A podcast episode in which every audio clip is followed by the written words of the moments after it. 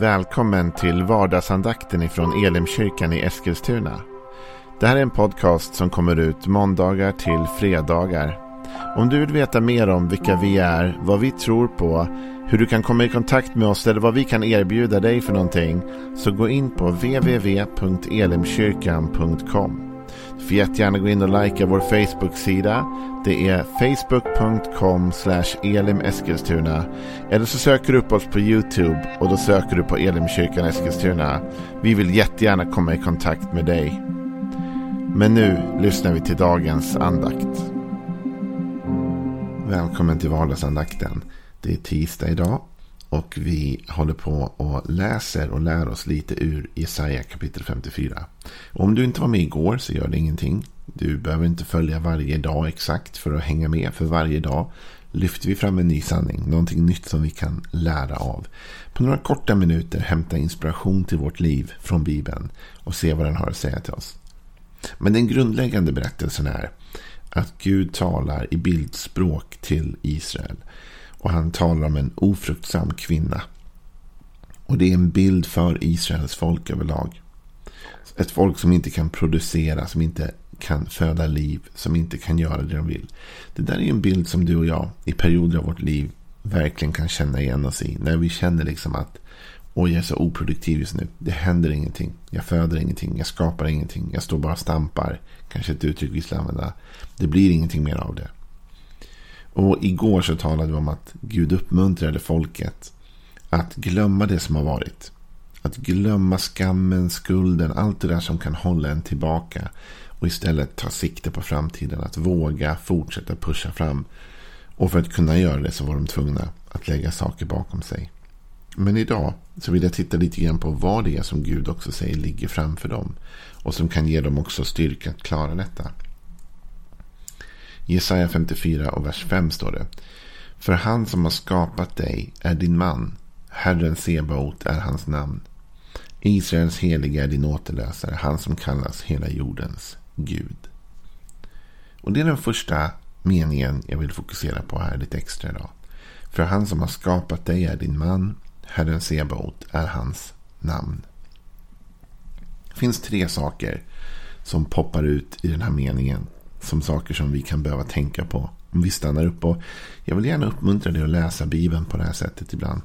Det är gott att läsa Bibeln och man ska läsa Bibeln som en lång helhet och som en sammanhängande berättelse. Det är viktigt. Men det är också viktigt ibland att stanna upp vid varje liksom mening och rad och se vad står det för ord här egentligen och vad betyder de orden? Att låta det verkligen sjunka in.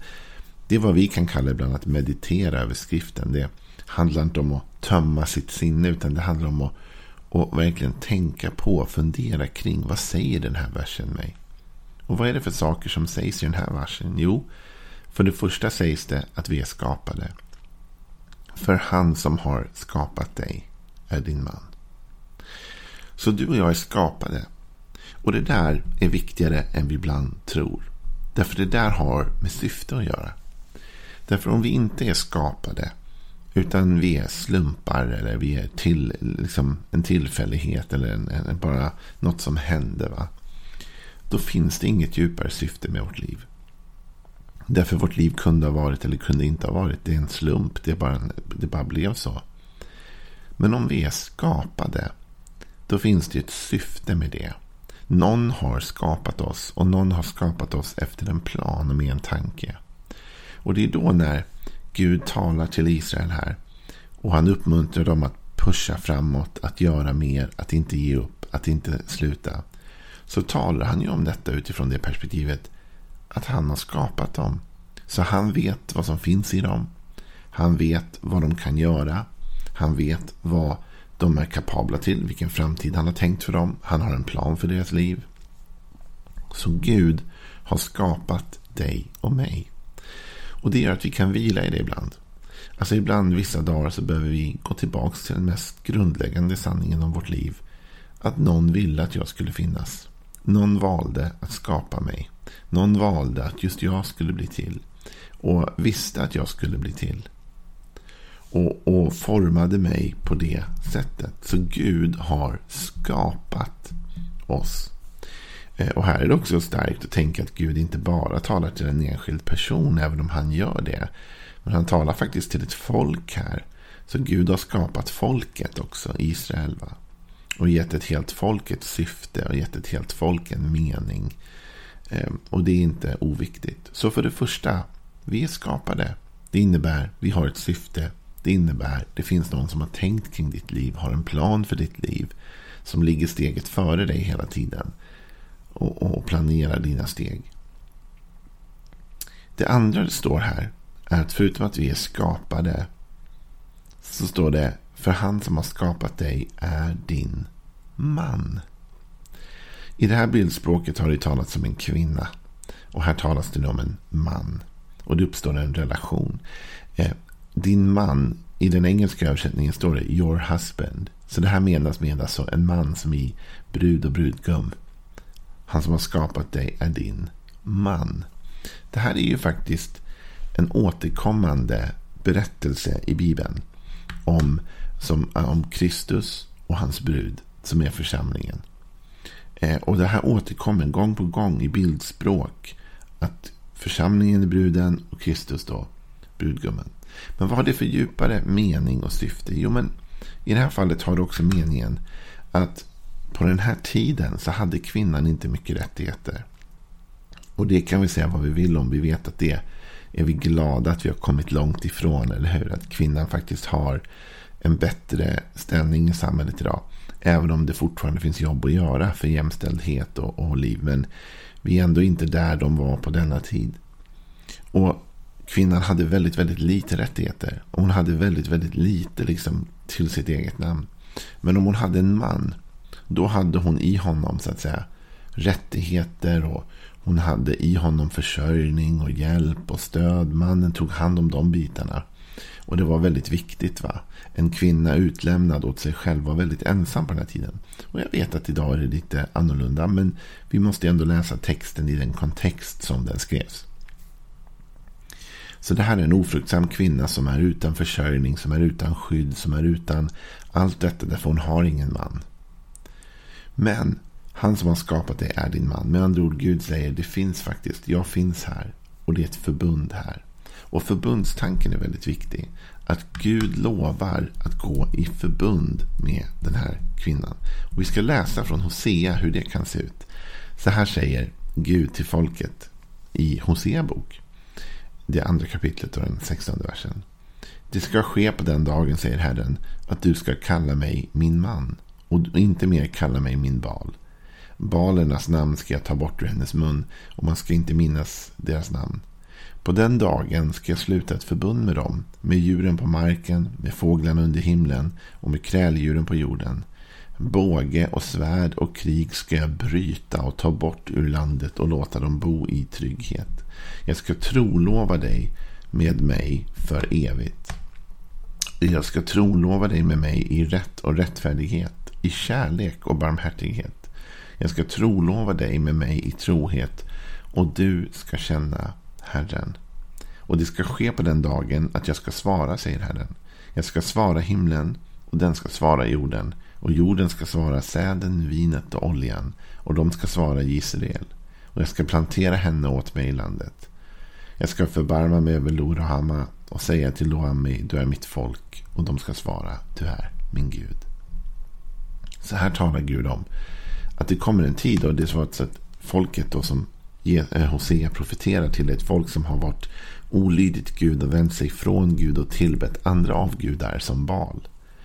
Men så säger Gud, men det ska komma en dag då du ska kalla mig min man och inte mer kalla mig Bal. Alltså du kan vända åter till mig. Och på den dagen ska jag sluta ett förbund med dig, säger Gud. Och så kommer vi in på detta. Att Gud ska bryta båge, svärd och krig. Han ska se till så att det blir skördar han ser till att det goda händer. Han ska bevara kärlek, rättfärdighet och så vidare. Alltså, han tar ansvar för sin brud. Och det är det som det är poängen i Isaiah 54. Det finns någon som har skapat dig. Men inte bara skapat dig. Utan har ansvar för ditt liv. Det finns någon som har den rollen. Och då kanske du tänker så här. Vi lever 2021 och du tänker men det, en man har ansvar och var ansvarig för sin kvinna. Hon kan väl ha ansvar för sig själv. Ja, men sätt dig nu tillbaka i den kontexten som var här. Vi talar inte om hur det är nu, utan vi talar om hur det var när Gud talade till Israel och hur de skulle ha uppfattat bilden. De skulle ha uppfattat bilden så här. Att om jag är skapad av någon, då har jag ett syfte. Om jag har en man, då är det någon som har ansvar för mitt liv. Och, och det är den ansvarsbiten mer än något annat vi ska komma ihåg. Att Gud har ansvar för ditt liv. Gud har inte bara skapat dig och gett dig ett syfte. Gud har planerat och tagit ansvar för ditt liv. Du är hans brud, jag är hans brud. Och han är brudgummen och han har ansvaret. Han är den som ska försörja för oss. Han är den som ska beskydda oss. Han är den som ska bevara oss. Han är den som ska ta hand om oss. Och därför kan vi glömma det som har varit. Därför nu har vi någon som tar hand om oss. Han säger, innan detta så säger ju Jesaja att du ska glömma din ungdoms skam och din enketids förakt. Ska du inte minnas mer. För nu har du en man som tar hand om dig. Så det är det som är poängen här. Gud har skapat dig. Gud har tagit ansvar för ditt liv. Och vem är det du har gift dig med så att säga om du har valt att följa Jesus? Jo, då står det Herren Sebot i hans namn. Det är det tredje. Så det första det talas om att du är skapad. Det andra det talas om är att det finns någon som har tagit ansvar för ditt liv. Och det är Gud. Och det finns också, vem är det då som har tagit ett ansvar? Vem är det som vi så att säga har gift oss med i bildspråket? Jo, Herren Sebaot är hans namn. Om du googlar upp eller söker upp eller i något gammalt eh, lexikon här, och hebreiskt lexikon eller någonting. Så kommer du upptäcka att Herren Sebaot betyder härskarornas herre. Härskarornas herre. Det är en otrolig egentligen eh, eh, Eh, bild. Va? Den högste, den störste, allhärskaren. Finns det väl nästan några översättningar som antyder. Den som är på toppen. va? Hans namn. Han är det som har gift, dig, gift sig med dig. För det händer ju någonting när man gifter sig. När man ingår förbund med varandra. Det här försöker man ju tala med unga människor om när de går in i ett äktenskap. Att du vet att nu, nu går era ekonomier ihop. Och nu går allting ihop. Om någon har skulder så blir det nu era skulder. Och, och du vet, om någon tjänar pengar så blir det ju allas pengar. Och eh, ni är nu ett liksom. Ni är en enhet här va. När vi, när vi går i detta förbundet med Gud.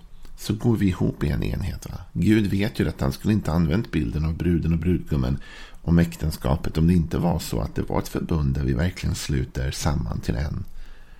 Och då får vi del av hans namn. Och hans namn är Herren Sebaot allhärskaren. Du vet det bästa man kan nästan tänka sig. Du vet, det är att om du skulle tänka så här att du gifter dig. Bara en mänsklig bild. Den är bristfällig men vi tar den. Du, du gifter in dig i en kungafamilj. Helt plötsligt skulle ju allt förändras för dig. Du skulle ha helt andra möjligheter. Du skulle liksom kunna göra så mycket mer. Och du skulle inte vara bunden av alla andra saker som vanliga människor är bundna av. Utan du skulle ha större friheter. Jag tänkte på det faktiskt. När, när eh, det var bröllop i kungahuset i Sverige. Och de stängde ner nästan hela Stockholm. Jag verkligen stängde av gator och allting för detta bröllop. Jag tänkte det finns ingen annan som skulle kunna ha fått gator avstängda och eh, liksom göra allt detta om det inte vore kungen i Sverige. Det finns ingen kändis, ingen som skulle kunna klara av det här. Men kungen kan för han har det namnet, va? han har det arvet. Du vet, när du och jag har anslutit oss till härskarornas herre. Då Helt plötsligt har vi helt nya förutsättningar för vårt liv. Därför säger också Jesaja, ni behöver inte skämmas. Er man, han som har skapat er, er man, det är härskarornas herre. Ni är ingifta i royalty, liksom. ni är del av detta nu. Och ni har helt andra förutsättningar. Ditt liv är inte detsamma som innan Jesus. Det är därför jag reagerar så mycket ibland när folk säger så här, ja, men vi kristna, vi är precis som alla andra. Nej, det är vi verkligen inte. vi är faktiskt i förbund med härskarornas herre. Vi har helt andra förutsättningar än alla andra. Därför vi har Gud på vår sida och han har också valt att ta ansvar för oss. Det är därför Jesus säger i Markus 16 som avslutning. När han säger till lärjungarna att gå ut så säger han. Gå ut i hela världen och förkunna evangeliet för skapelsen. Och så fortsätter han ner i vers 17. Dessa tecken ska följa dem som tror. I mitt namn ska de driva ut onda andar.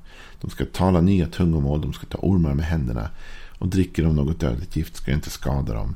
Och de ska lägga händerna på de sjuka. De ska bli friska i mitt namn, säger Gud. Dessa tecken ska följa dem som tror i mitt namn. Och Det handlar om att vi har fått ett namn. Vi har fått en tillhörighet. Vi har fått ett förbund som gör att vi har nya omständigheter och möjligheter. Du och jag.